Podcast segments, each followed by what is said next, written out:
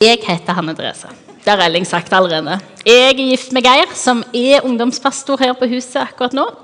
Og så har jeg to veldig fine unger. Ei jente som heter Lykke Dorothea, og en gutt som heter Timotheus Fred. Og så, som Elling sa, så har jeg gleden av å jobbe her. Nå har vi vært åtte uker vekke. Det er ganske lenge. Vi har hatt det helt fantastisk. Men det er utrolig deilig å få komme tilbake igjen og komme hjem til dere. Og så var det sånn at Elling eh, han sa før jeg reiste liksom, ja, Er det for tidlig for deg å begynne å tale liksom, søndagen etter at du har kommet hjem? eller hvordan er det? Jeg tenkte nei, det går fint. Han bare ja, men jetlag, nei, det går ingen, ikke tenk på det. liksom. Det går fint. ja, det var Så dere må ta meg som jeg er. Jeg tror dette her skal gå bra, men uh, det var kanskje ja, Det gjorde iallfall at jeg tenkte når jeg skulle begynne å skrive denne preika, så sa jeg til Geir hva skal jeg tale om? For det var ikke Elling, han bare ga meg 22. april å tale. Han sa at jeg kunne velge helt fritt hva jeg ville snakke om. Noen vil kanskje tenke at det er kjempegreit, men jeg tenker at da har du så enormt mange muligheter at det, det er litt krevende. Så jeg snakket med Geir hva i alle dager skal jeg snakke om. for noe? Så han, du, du, det er noen ting du opplever veldig tydelig at Gud har talt til deg om mens du har vært um, i denne studiepermisjonen. Kan du ikke dele det? Så tenkte jeg ja, jeg kan jo det. Men um, jeg liker liksom jeg liker struktur. Sånn. Jeg liker at talene mine ser ut som intro, bibelutleggelse, tre punkt og en avslutning. Sånn. Liksom bare, her har vi Jeg er teolog, dere kan vite at dere er i trygge hender. Alt er liksom vanntett og godt forklart. Sant? Da, da kjenner jeg at jeg er godt fornøyd. Og så har jeg begynt å planlegge ei preik. Og Eivind spurte om jeg kunne lage en tittel. Det gjorde jeg. Og så kom jeg lørdagskveld etter å ha vært på teater med Silje Grete. Vært og sett Hedda Gabler, som var veldig god forestilling. Kan anbefale å se den på teatret. Men det var ikke sånn inspirert og oppløftende når du går derifra. Men jeg kom hjem, og så sa jeg til Geir og hadde, jeg hadde vært litt sur tidligere på dagen, ikke på han altså, på denne preika. Og sa jeg til Geir dette går ikke. Jeg har tolv datasider med preik, men dette går ikke. Jeg kan ikke bruke noen ting av dette her. Ikke fordi det er dårlig, men bare fordi at jeg eier det liksom ikke. Dette her er ikke, Det er ikke dette jeg skal gjøre. Og så sa jeg jeg har en tittel. Det er ikke en uforståelig gud, men jeg skal snakke litt om det òg. Men det er fire punkt og en high five. ja. ja. Og da sa Geir det høres helt konge ut. Gi gass på det. Så det er liksom tittelen min i dag. Fire punkt og en high five. Så jeg skal, Og det er det fine med å komme hjem, for jeg kjenner jo at her er jeg hjemme. Dere er jo jeg hører til hos dere, og dere hører til hos meg, og dette her oppleves som familie. Så det å få dele litt av det som Gud har talt til meg om mens jeg har vært der borte, er egentlig et privilegium. Og samtidig er det litt utfordrende, for jeg som type liker å være litt sånn privat. Så deler mye om hva Gud snakker til meg om. Kan bli litt sånn tårevåt. Og det var det Elling pekte ut på i begynnelsen. At jeg, jeg grein ganske mye på middag. Og det syns jeg er litt frustrerende, for jeg liker, jeg liker å bli forstått som en litt sånn seriøs Jeg ler òg, men, men det er helt riktig. Jeg liker å bli Jeg Kanskje jeg ler under denne talen. Det hadde jo vært bra. Men altså, det Ja, jeg liker å bli forstått som en litt sånn seriøs eh, intellektuell ja, Ikke kall meg enfoldig, liksom, men, men her er jeg! Og jeg har fire punkt og et high five til dere, og jeg tror dette blir bra. Er dere klar? Ja, bra. Jeg òg er klar. Ah, gode Jesus, takk for at du er her. Åh, takk for at du er så god, og du er så stor. Og takk for at vi får lov til å være familie sammen og få være familie med deg, Jesus. Jeg takker deg for at du er her, og at du er her med ditt nærvær. Og jeg takker deg for at i alle mine tankerekker og i alle mine ord så, så vil du gi liv, Jesus. Og jeg takker deg for at dette skal være en kveld med mye liv og mye håp, Jesus, fordi at du er her. Amen. Amen. Bra. Mitt første punkt er en Gud som er større. Eller en Gud som ikke kan forstå. Um, Geir og jeg vi har vært uh, sammen med ungene våre vært syv uker i Redding, en by i Nord-California. Uh, ikke en sånn utrolig spennende by i seg sjøl, men det er en vakker by, mye fin natur rundt. Så når vi visste at vi skulle ha studiepermisjon, så skjønte vi ganske kjapt at det er her vi har lyst til å være. Både fordi at det er et veldig sånn, vi skulle reise med unger òg, dette er et godt sted for de å være òg, men i hovedsak fordi at i Redding så er det en menighet som vi er utrolig begeistra for, som heter Bethel Church, som jeg vet mange av dere har vært, vært um, borti, hørt om, hørt musikk fra, hørt uh, forfattere og talere fra. Og Det som er med denne menigheten, som det kanskje bare har vært spesielt viktig for Geir og jeg, er at denne menigheten den er fin, og det er god lovsang, alt det der, men når vi har vært der, så reiser vi alltid hjem med en sånn opplevelse av at uh, Gud er så enormt mye større. Ikke at Gud er liten hjemme, for det er han definitivt ikke. Men det er, det er akkurat som trosnivået vårt økes. Ikke sånn nå ja, ja, uansett. Men trosnivået vårt økes. Så det er det. Her, liksom, her er Gud større. Boksen for hvem Gud er, er større der borte. Um, så Derfor valgte vi å reise. Og Parentesen til det er at jeg gikk på bibelskole der for ni år siden. Så gammel er jeg at jeg gikk på bibelskole for ni år siden. Og eh, det var et veldig godt år. Og Geir har vært tilbake flere ganger siden. og jeg har vært tilbake, Geir har ikke gått på bibelskole der, by the way. Men vi var innom på bryllupsreisen vår. Så begeistra ja. Vi hadde noen uker på Hawaii òg, altså, bare så det er sagt. Men vi var innom en svipptur på øya. Ja. Og så, i den perioden, så eh, var det sånn at de, det var et eller annet som skjedde i Vettel på den tida. Og det var at Med jevne mellomrom så dukket det opp noe i rommet mens de tilba. De endte opp å kalle det for en glory cloud. og nå tenker sikkert noen dere bare når jeg skal snakke om dette. Men uh, vær med meg her. Det var en glory cloud. Det som det var, var at det var akkurat som det var en sky i rommet som glitra. Jeg ser denne veien fordi den pleide å komme liksom, i dette hjørnet. I Bettel. I dette hjørnet. En sky i rommet som glitra. Som på et vis bare var et sånn det var ingen sånn naturlig forklaring på hvorfor han kom. og Han gjorde ingenting, denne skya. Altså, det var jo ei sky, men, men, han var der og skapte bare sånn vanvittig sånn beundring for hvem Gud er. Og dette her er altså overall som jeg Wow, det var lyst. Jeg, kan vi skru det bitte litt ned? Så mener jeg at det, det var over en periode på kanskje elleve måneder så, så, opplevde de at denne skya var i rommet kanskje sånn 30 ganger. Så dette hadde skjedd en del ganger før vi kom på bryllupsreise. Og jeg var liksom, det hadde jo vært veldig kult hvis den dukket opp når vi var der. Um, og så var vi på gudstjeneste, og vi står og lovpriser. Da befinner vi oss liksom i denne delen av rommet. Skya ble kommet her. Og så, vi, og så synger vi en sang som egentlig er litt sånn Fader vår, bare på engelsk. Det er altså bare teksten Fader vår. Og så hører du sånn sus i forsamlingen. Og tenker jeg Å, oh. Nå er han her! Skya, altså. Og så ser jeg opp og tenker ja, der er han. Det er utrolig, det, går ikke an å liksom gå glipp av at der er han. Og så tenker jeg jeg er utrolig from.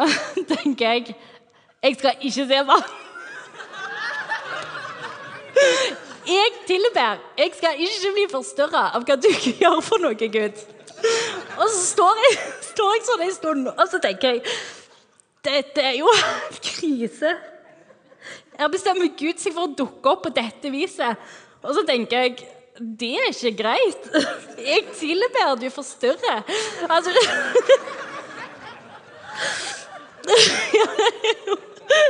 Dere kan le dere, men jeg tenkte Jeg vet ikke hvordan jeg skal forklare dette teologisk. Og jeg forstår det ikke, og det er unyttig. Jeg tenkte dette går ikke an. Og så opplevde jeg bare at Gud, Gud sa Andres, hva er det du holder på med? Hvis jeg velger å vise meg på dette, her viset, kanskje du gleder deg over det? At du ikke alltid er like seriøs som det du er? Ja. ja. Ja, ja.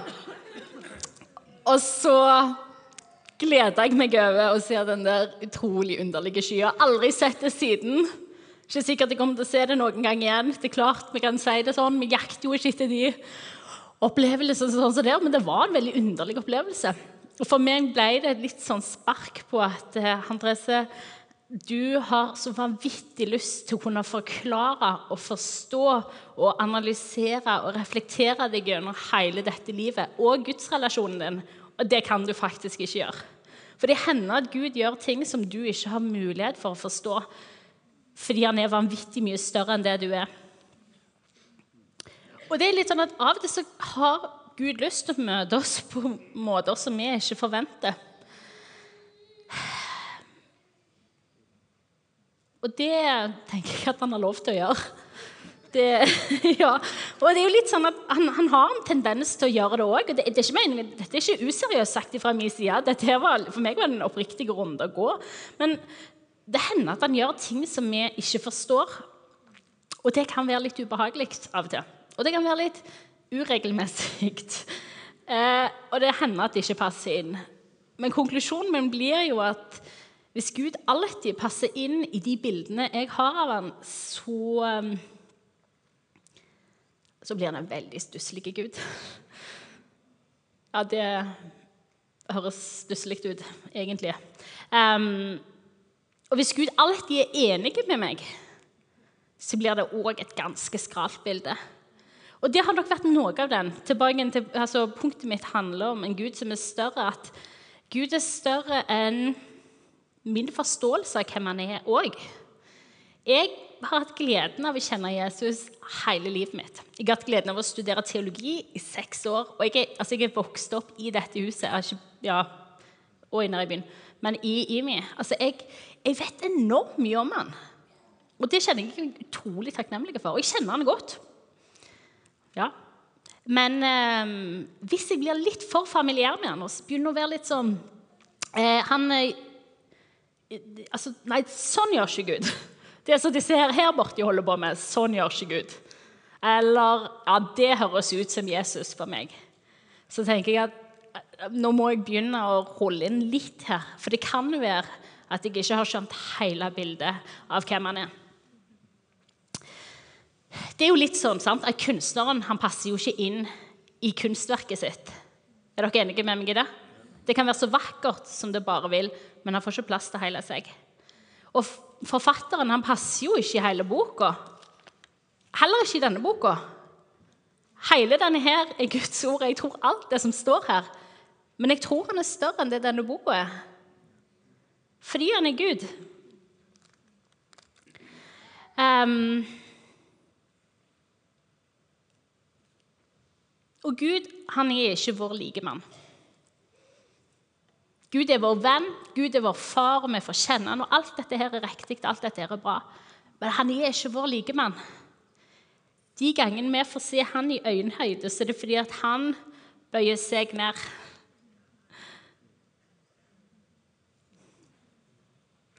Um, det er et bibelvers Du kan få bibelverset på skjermen. Han er fra Jesaja.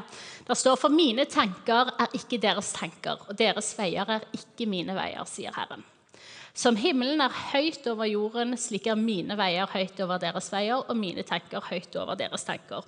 Altså, Vi opererer på fullstendig forskjellige kanaler, og det trenger vi å forstå. Gud har en tendens til å komme ned på vår kanal, og det er veldig fint. Men overall så er han Hva er Ja, OK. De ler fra første rad, og jeg ikke ler. tenker jeg, Hva skal jeg gjøre da? Um, vi kan bli litt for familiære på Guds vegne. Litt for vant med at han skal oppføre seg på ett vis. At hans holdninger skal være på ett vis. At erfaringene våre av han skal være på ett vis. Og så tror jeg han er større. Og jeg tror jo som sagt absolutt at vi kan kjenne Gud. Og dette er et litt sånn haltende eksempel. Men jeg eh, har en pappa som jeg kjenner ganske godt. Eh, og Geir pleier å si at stort sett alltid så kan jeg avslutte setningen hans. For så godt kjenner jeg han. Og så fungerer vi ofte ganske likt i hodet. Men jeg griner litt mer enn det du gjør. Eh, men så er det noen settinger hvor jeg tenker jeg, meg og Geir snakker om et eller annet, og så tenker vi sånn Hæ, hva ville Martin gjort? For det er naturlig å tenke. Det tenker sikkert dere òg av og til. Så tenker jeg, hva ville Martin gjort? Og så tenker jeg at jeg kan nå jeg kan argumentere ganske godt for at han tenker dette. Og så kan jeg argumentere ganske godt for at han tenker dette. Og de er ganske to forskjellige ting. Og jeg tror egentlig at jeg kjenner han ganske godt, men jeg er ikke helt sikker på hva han velger her. Henger dere med i bildet? Og litt sånn, eller i mye større grad sånn, Hvis det er sånn med Martin Keif, så er det definitivt sånn med Gud òg. At ganske mye av ham kan vi kjenne. Og så er det en hel del ting hvor han er så vanvittig mye større at vi aner ikke hva han tenker om det. Henger dere med? Bra. Han er pappa. Gud er vår pappa, men han er i tillegg allmaktsgud. Og det gjør noe med hele denne prosessen. Så jeg har snakket litt om at det hender at Gud møter oss på vis som vi ikke har forventa oss, som med Gory Cloud. Men det hender jo òg at livet, livet våre kan være utfordrende. Det kan være i mitt tilfelle Jeg er jo, som Elling sa, jeg har gleden av å skulle lede Akte helbredelsesskole fra høsten av. Og jeg er kanskje over gjennomsnittet opptatt av helbredelse. Og For meg er det litt sånn at hodet mitt er litt som et puslespill. Så hver gang jeg hører noe om helbredelse, noen underviser om helbredelse, jeg leser i Bibelen om helbredelse, så er det som nye puslespillbrikker som jeg prøver å lage et bilde av. Jeg tipper at målet bak der, langt der bak der, som jeg ikke kjører inn for meg selv, at jeg kommer til å se for meg den perfekte teologi på slutten av dette. Som jeg aldri kommer til å gjøre. Men det er nok det jeg sånn implisitt holder på med. Prøv å få på plass alle disse her brikkene. Men så er det noen brikker som står steinfast, sant? og som jeg vet fordi jeg har lest oppi her, Det er Bibelen, altså. Som er grunnleggende sannheter som handler om at jeg vet at Gud alltid vil helbredelse, jeg vet at han alltid kan helbredelse, men så er det noen hvite flekker på dette kartet som er med Gud, alle blir jo ikke helbreda. Gud, noen dør med denne sykdommen. Gud, noe vi lever alltid med denne sykdommen. Og det frustrerer meg så vanvittig, fordi jeg forstår ikke hvorfor det er sånn. Fordi Han har sagt vi skal be for syke, og han har sagt at han er god. Og jeg vet at han er det, men jeg skjønner ikke hvorfor dette her er. Og så har jeg disse her spørsmålene, og så, og så hører de òg til at Gud er større. De hører ikke til at Gud er større i den grad at uh, Gud hadde en plan med at det ble sånn. Det er ikke det jeg sier, men at, men, men at han har et større overblikk over dette her. Henger dere med? Bra. Og det er um, så lett for oss å gi veldig billige svar på veldig krevende spørsmål, og det tenker jeg er utrolig unødvendig. Hvis vi ikke har gode svar å gi, så tenker jeg at vi kan heller bare la være å gi dem, og så kan vi venne oss til Han som er større. For det er jo det som blir konklusjonen. Sant? At i alle de tingene som jeg ikke har svar på, så må jeg lene meg mot han. Han tar imot de, de spørsmålene. Så målet er Gud er større. Det er fortsatt punktet mitt. Punkt 1. Forstand er å forstå at Gud er ubegripelig. Forstand er å forstå at Gud er ubegripelig. Så det vi skal gjøre nå, er at vi skal be. Vi skal be for hvert punkt. Og alle disse punktene som jeg har sagt, dette er ting som Gud taler til meg om for tida. Så disse, alle disse punktene gjelder meg. Men alle de som kjenner at vet du hva, jeg trenger å skjønne stadig mer av at Gud er større enn min boks. Og være åpen for at han kommer til å tale til meg på andre vis enn det jeg har tenkt at han skal gjøre, om at han kommer til å møte meg på andre vis enn det jeg har tenkt å gjøre, og at han tåler alle spørsmålene mine når jeg ikke gjør det. Dere som tenker vet du hva, dette vil jeg lene meg inn i, dere kan legge hånda på hjertet, og så skal jeg be. Gode Jesus, jeg takker deg for at du er så vanvittig langt over vår forstand. Og far, jeg takker deg for at du, selv om du er allmaktsgud, bøyer deg ned for å se oss i øynene, Jesus. Og far, jeg takker deg for at vi får lov til å leve i det spennet. Og jeg ber om at vi skal få erfare at du er større enn vårt bilde av deg, Jesus. At vi aldri skal bli for vant med det bildet vi ser, sånn at vi nekter at du opererer på annet vis, Jesus, men at vi er åpne for å, at du gjør som du vil, Jesus, fordi at du er større. Amen. Er dere klare for punkt to? Bra. Gud som mester. Vi skal lese i lag. For da er det lettere for dere å henge med. slipper dere å høre min stemme hele veien. Så vi leser i lag fra Lukas, kapittel 5. En gang sto Jesus ved Genesaretsjøen, og folk trengte seg inn på ham for å høre Guds ord. Da fikk han se to båter som lå ved stranden. Fiskerne var gått ut av dem og holdt på å skylle garn. Jesus steg opp i en av båtene, den som tilhørte Simon, og ba ham legge litt ut fra land. Så satte han seg og underviste folkemengden fra båten. Da han var ferdig med å tale, sa han til Simon.: Legg ut på dypet og sett garn til fangst. Mester, svarte Simon, vi har strevd hele natten og ikke fått noe. Men på ditt ord vil jeg sette garn. Så gjorde de det og fikk så mye fisk at garnet holdt på å revne. De ga tegn til arbeidslaget i den andre båten at de skulle komme og ta i med dem.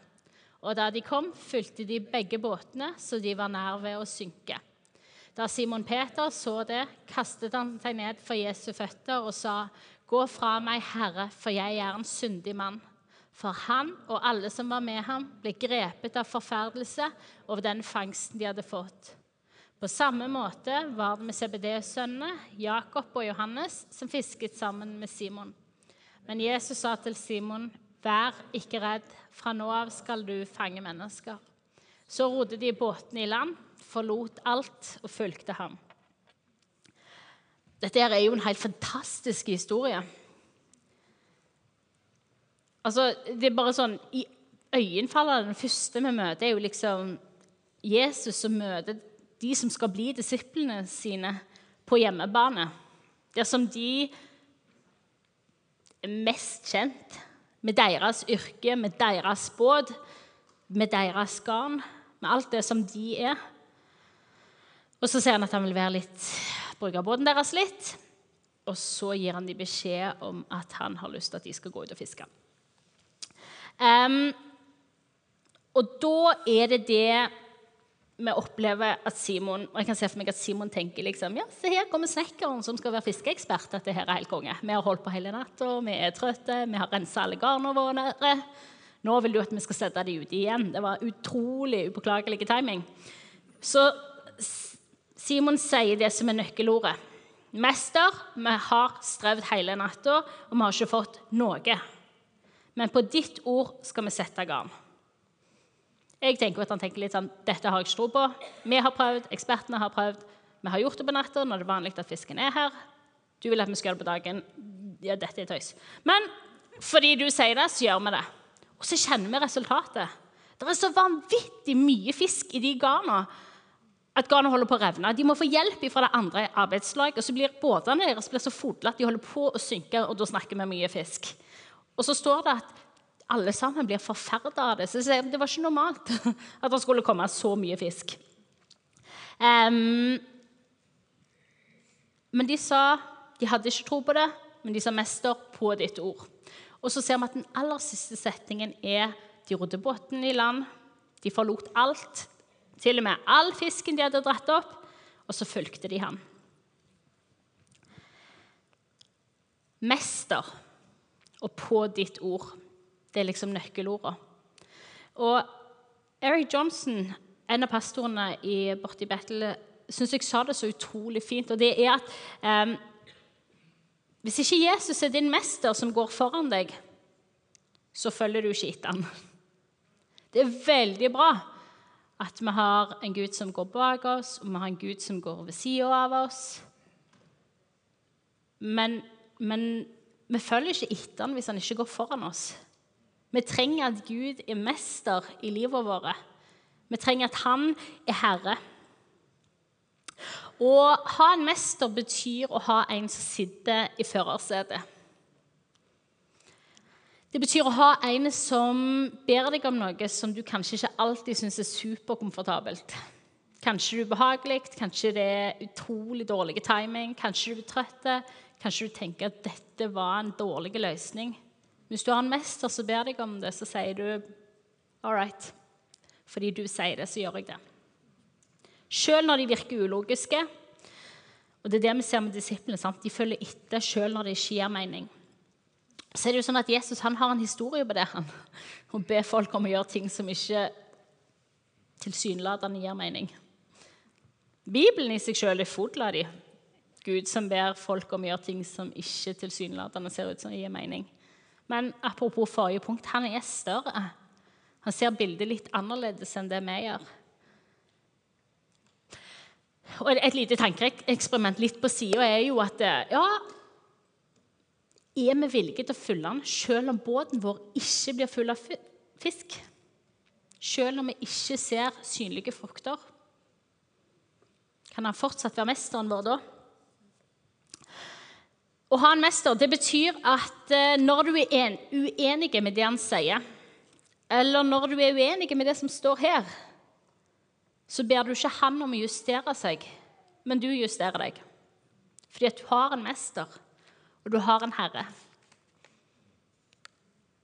Og han er større enn deg, og hans ord trumfer faktisk ditt.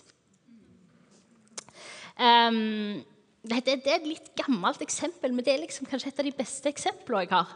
Og det er i mitt liv, når jeg opplevde dette her Jeg håper jeg opplevde det mer enn én en gang, men dette er en gang jeg opplevde det. Og det var, som sagt, så um, Jeg er over gjennomsnitt interessert i helbredelse, men før jeg var over gjennomsnitt i interessert i helbredelse, var jeg ikke over gjennomsnittet interessert i helbredelse. Og Da gikk jeg i denne kirka, trivdes her, her ba vi for syke, og det var jeg med på. Jeg Trodde at Gud kunne gjøre det, syntes det var fint. Um, men jeg hadde ikke så veldig mye forhold til det utover det. Og så traff jeg en fyr som heter Sam Lovell, som i den tid bodde i England. Nå bor han rett oppi hogget her, som er en fantastisk fyr. Og han gikk mye ut på gaten og ble for syke. Var bare for syke. Og så de ble friske òg. Mange ble friske. Og jeg hørte dette og tenkte dette synes jeg hørtes utrolig underlig ut. Hvorfor gjør du dette? Så det spurte jeg han om. Så Vi hadde ikke møttes før, så jeg sa Sam, dette syns jeg høres litt ut som Jehovas vitner. Hvorfor gjør du dette? Og da sa Sam eh, jo, dette gjør jeg fordi det står i Bibelen. Og så tenkte jeg oi, du har jo helt rett. Det står jo faktisk i Bibelen. Du lever som du tror dette punktet her, og det gjør noe med meg. Så tenker jeg, Det trenger ikke bety at alle andre sin historie ser sånn ut, men det var sånn det var for meg. Og for meg I det øyeblikket der så endra alt litt seg. Så jeg gikk hjem så tenkte jeg, dette må jeg gjøre. Jeg sendte melding til Elling, som var studentpastor på den tida, og sa Elling, jeg har snakket med Sam, jeg må ut på gaten og be for syke. Elling husker ikke dette, her, sier han, men jeg husker det. Han sendte melding tilbake hvor det sto 'Jeg er dritredd. Jeg er klar. Hva med onsdag?' ja. Så meg og Elling vi er modige så få. Vi gikk ut på gata på onsdag. Vi gikk ikke ut på gata, vi begynte på en kafé. Vi måtte snakke grundig gjennom dette her første. Og vi var, vi var, utrolig ukomfortable. Så til slutt så måtte vi bare ta oss i nakken og si nå går vi ut og ber for syke. Og vi ba for enormt mange mennesker den dagen, men det var bare ingen av de som visste at vi ba for dem.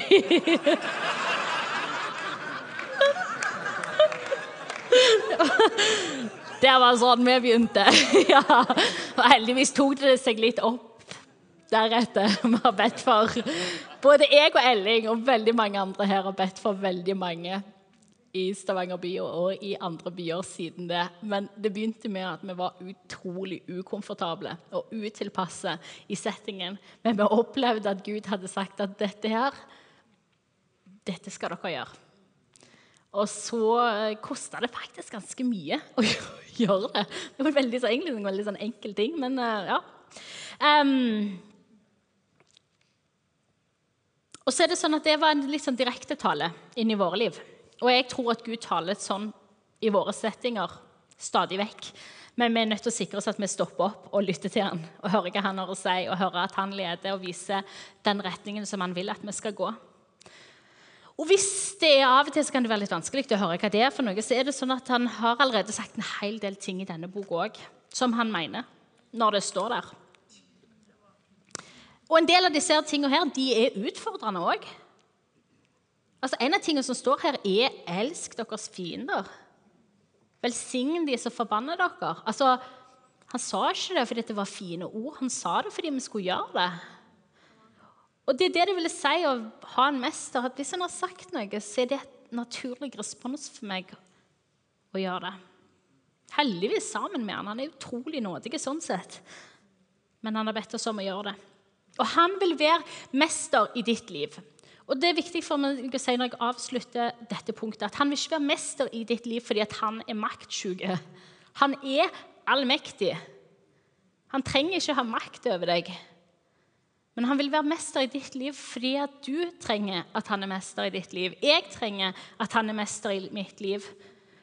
Og så betyr det noe for han at han får være mester i vårt liv. Din overgivelse til mesteren gjør noe med han.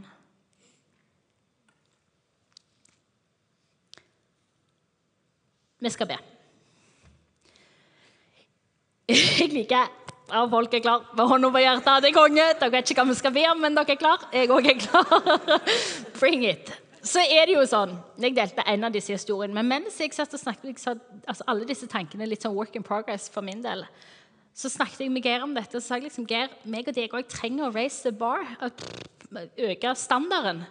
Vi, vi lever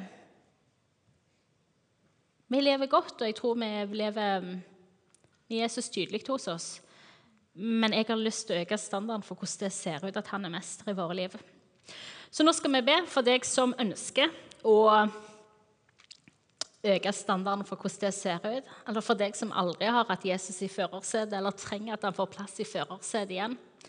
Hvis det er deg, så kan du legge hånda på hjertet, så ber vi. Gode Jesus, jeg takker deg fordi du er mester. Og for det er utrolig godt for oss at du er mester. Og Jesus, vi ønsker bare å si at du skal få ha førersetet i våre liv. Du skal få være den som, som, leder og viser retning.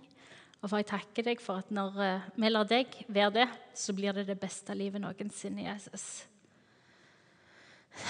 Og for jeg ber om at du skal tale tydelig til oss om hvor du går, og om hvor du leder. Du skal åpne øynene våre, så vi tydelig ser hvor du er henne. Så ber vi at du skal utfordre oss og hjelpe oss så vi setter en ny standard Herre, for hvordan det ser ut at du er mester.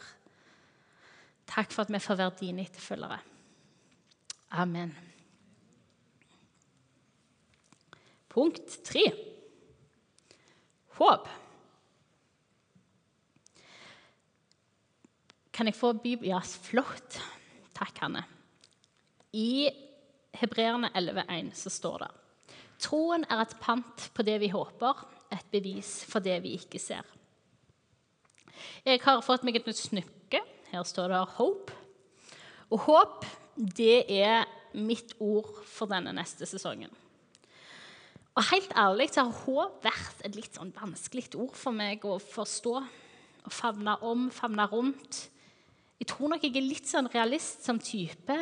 Og jeg har nok hatt litt en sånn skrekk for at hvis jeg eh, snakker for mye i håp, så oppleves det litt som en sånn herlighetsteologi.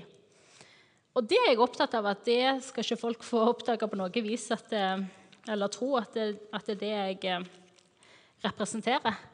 Jeg er redd for at jeg skal liksom gi folk et liksom falskt løfte på et eller annet og mens jeg har vært i Reading, så opplever jeg bare at Gud har eh, egentlig eh, i positiv forstand faderlig som han gjør, pekt litt med pekefingeren til meg og sagt at dette her er du nødt til å snu. Fordi at du har fått et håp, og du er kalt til å bære det håpet, til å eie det håpet, og til å ha det håpet for ditt liv og til å ha det håpet for omgivelsene dine.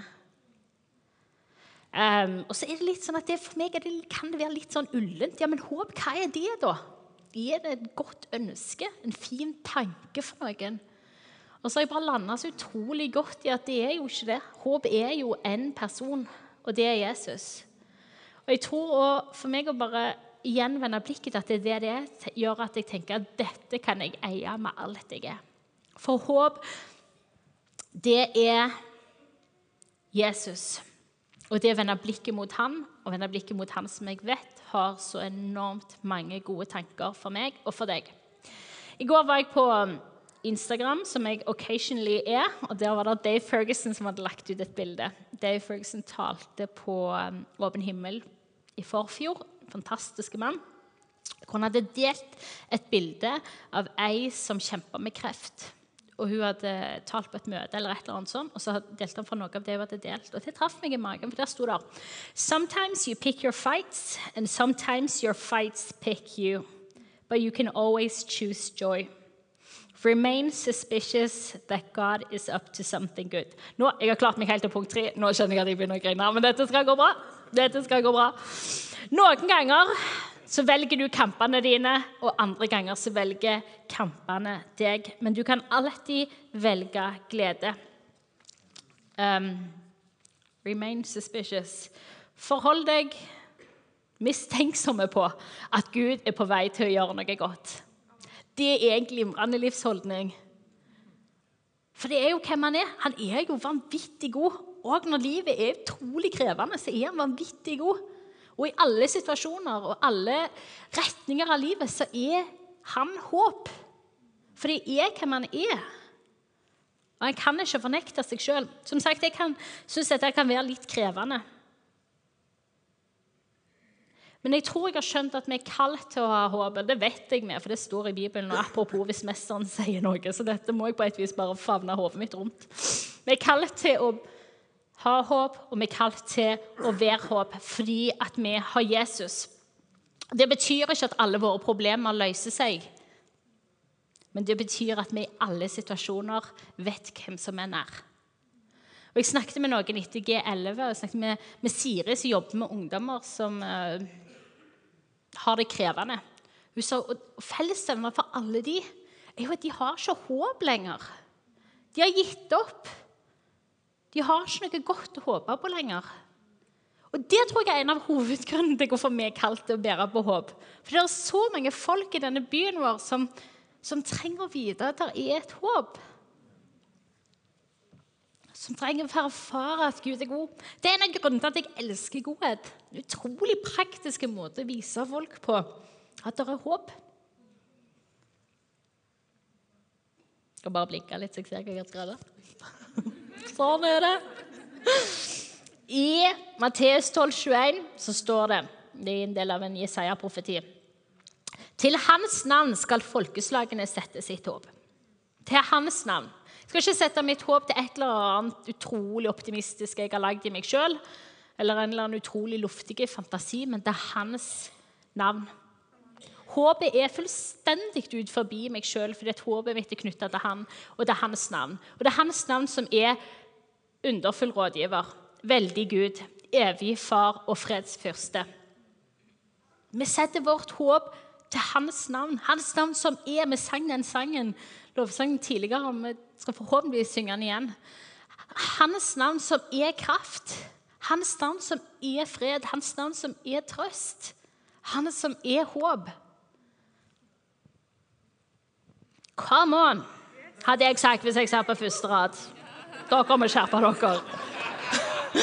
Første rad innebærer et ansvar, vil jeg bare si, men det er greit. Ja, takk.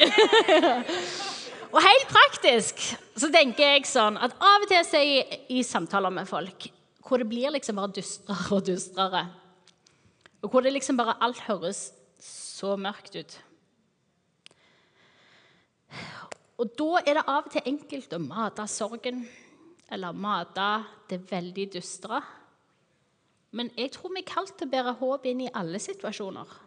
Og da mener jeg ikke å lage løfter om at nå fra nå av skal alt ordne seg, men til å vise Jesus i alle de settingene. Be. Så konkret kan det være. Kan jeg få lov til å be? For dette høres krevende ut. Kan jeg få lov til å be for dette? Kan, jeg, kan vi bruke litt tid på å se hva Guds perspektiv er på dette her? Han er håp i de supergode situasjonene, men han er håp i de krevende situasjonene òg.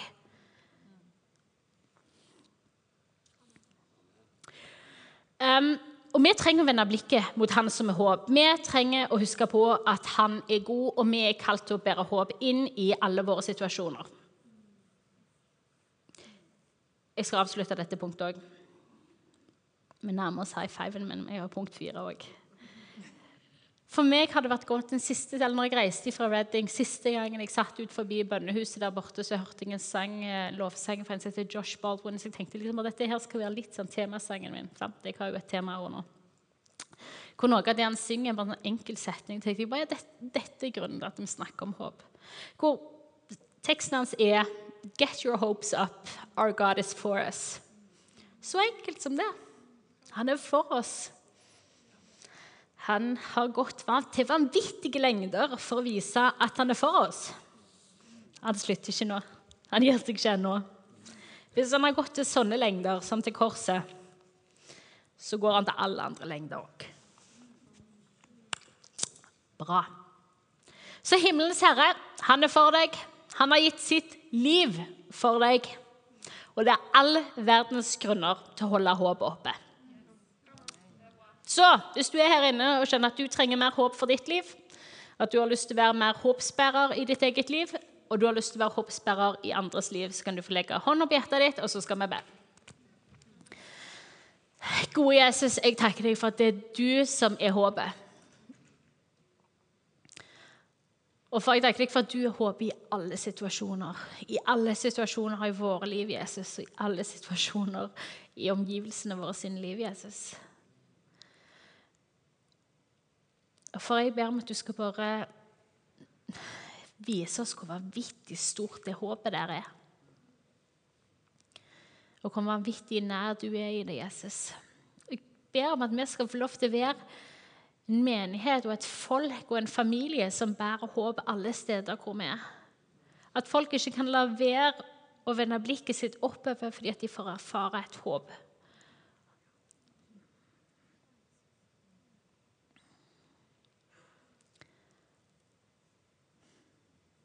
Amen. Siste punkt. Klarer dere det? Siste punkt, det er fullbrakt. Det er fullbrakt. Det har fulgt meg siden langfredag. Det var kanskje litt sånn innlysende, men det har fulgt meg siden langfredag, og jeg klarer ikke å slippe det. Det er fullbrakt. Vi var jo i Reading i påsken òg, og det var jo litt rart å skulle være i Reading i påsken. Eh, og spesielt, det skal dere vite, så var det litt eh, kjipt å være i Reading andre påskedag når jeg visste at dere møttes som familie Du kan le, du. Dere møttes som familie for å være i lag og for å feire den største begivenheten noensinne, og vi fikk ikke lov til å være i lag med dere. Men vi fikk feire i Reading, og det ble jo ikke helt det samme, men vi er her neste år. Men langfredagsgudstjenesten den fikk vi ha i Reading, og den gjorde vanvittig inntrykk på meg. Det de har gjort der De har en Good Friday service hvor de går sammen, alle kirkene i byen, nesten alle. De er mellom 80 og 100 menigheter som går sammen for å feire langfredag. Eller ja, hva vi si vi feirer langfredag? Ja, vi har alle grunn til å feire langfredag. Um, og i hovedsak var denne her Gudstjenesten var, var bare å gi korset vanvittig mye plass. Så de hadde satt et stort kors midt i sentrum av rommet. Rundt det sto lovsengerne, og alle stolene sto i ring rundt der igjen.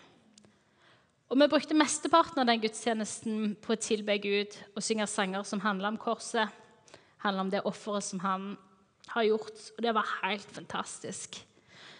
Men de hadde noen bibeltekster som de utbroderte. Så hadde de ei som heter Tinashe, som holder på med noe som de kaller for spoken word poet. Og jeg vet ikke hva det er på norsk, men det er på et vis litt sånn ordkunstner.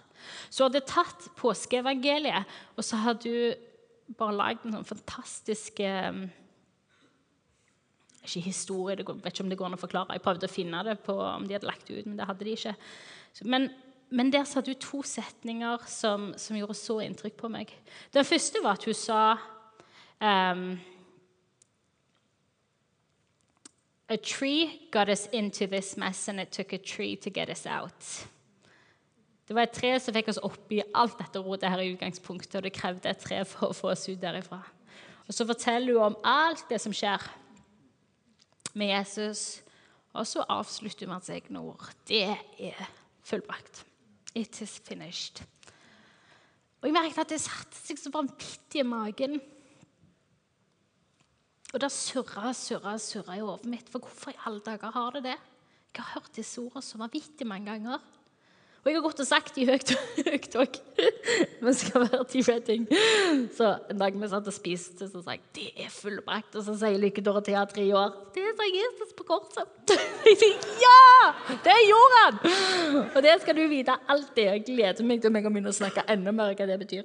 Det er fullbrakt. Og det jeg har tenkt på, det er hva tenkte du på da, Jesus, når du sa det? Hva i alle dager tenkte du på? Tenkte du Er smerten din ferdig nå? Tenkte du Er historien over nå? Eller tenkte du nå er oppdraget ferdig? Hva tenkte Jesus for noe? Offeret er ferdig. It is finished betyr for oss nå begynner det. Og nå en anledningen litt, for den står ikke opp før første påskedag. Men vi har lest historien, vi vet at det er det det betyr. It is finished betyr nå begynner livet for oss. Nå, nå skifter alt seg. Nå er det bare et sånn vanvittig sceneskifte.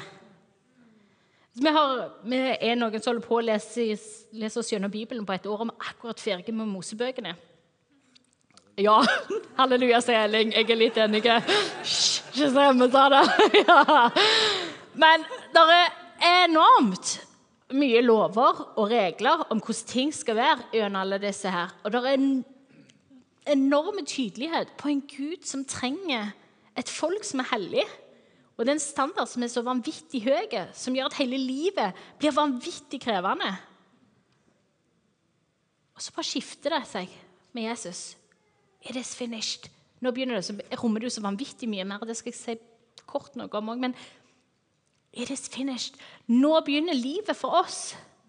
Vi trenger at det er ikke en historie vi er blitt for godt vant med.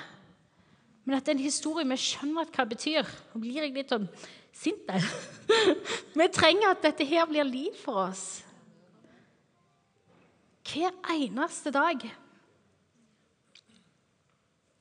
Det har ikke sluppet meg, og det kan ikke slippe meg. fordi at i det mest håpløse, i det mest urettferdige, i det mest forferdelige øyeblikket, så endrer absolutt alt seg. Vi som alle har gjort opprør mot Gud med å synde, med å gjøre mot hans vilje, vi som ikke kunne være i en relasjon med Gud og ikke kunne komme nær han. Det var oss. Og så sender han sin sønn og får han nagla til et kors for å bære våre synder. Våre synder nagler han til det korset.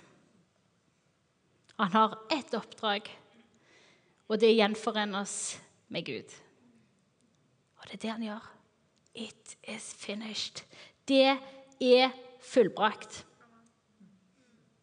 Og fordi det er fullbrakt, så er det relasjon mellom Gud og mellom mennesker. Og fordi det er fullbrakt Jeg går mot en landing. Fordi det er fullbrakt, så kan vi erfare alt det gode som Gud er. Det er jo fordi det er fullbrakt, at vi holder på å be for syke. Fordi at ved det offeret han gjorde, så har han muliggjort det. Det er jo fordi at det er fullbrakt at vi kan høre hans stemme, fordi han har gjenoppretta den relasjonen. Det er jo fordi det er fullbrakt at vi har håp, fordi at han har plassert et kors i midten av dette rommet, i midten av våre liv, som sier at i alle ting så er jeg til stede. Fordi det er fullbrakt, så Fordi det er fullbrakt, så begynner livet for oss. Ikke det er fantastisk? Det er så bra. Kom an. Yes! Nå så nå skal vi be. Nå vil jeg be for deg som kjenner at vet du hva, dette vil jeg at Gud skal minne meg på stadig vekk. og At han skal gi meg nye bilder. Apropos første punkt sprenge forståelsen av hva det ville si at det var ferdig.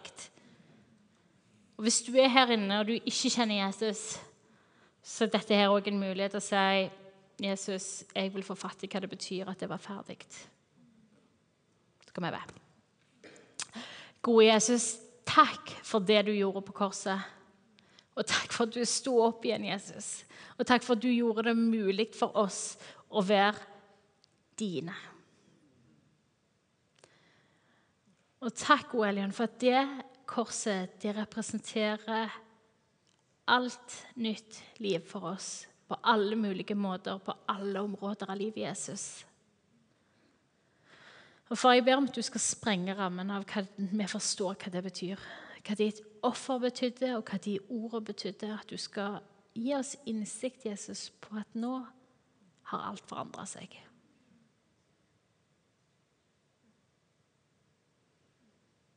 Amen. Fire punkt og et high five. Er dere klare for high fiven min? Ja, det er så bra. High fiven min den er fra meg til deg, til dere. Og det er at jeg har bare lyst til å si til rungende takk for hvem dere er.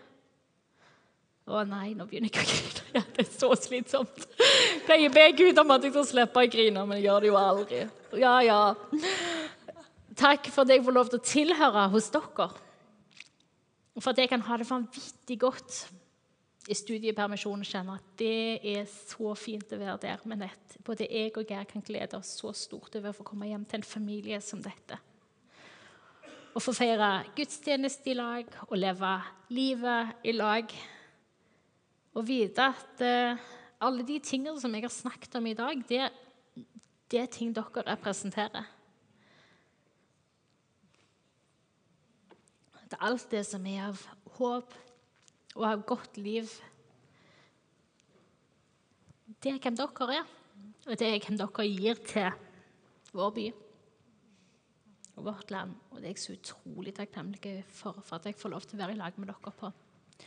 Så dere skal ikke få gi hverandre en high five nå, men dere skal få lov til å reise dere. Og så skal vi be. Dere skal få be for hverandre.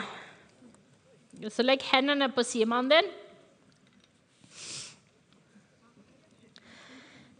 Og så skal dere få be om at han, Gud altså, skal gi dere kraft til å leve i det han har kalt oss til. At Simon din skal få kraft til å leve i det som Gud har kalt dere til. Um, og be som om dere skulle bedt for dere sjøl. Gi alt! Da ber vi. Mm. Mm.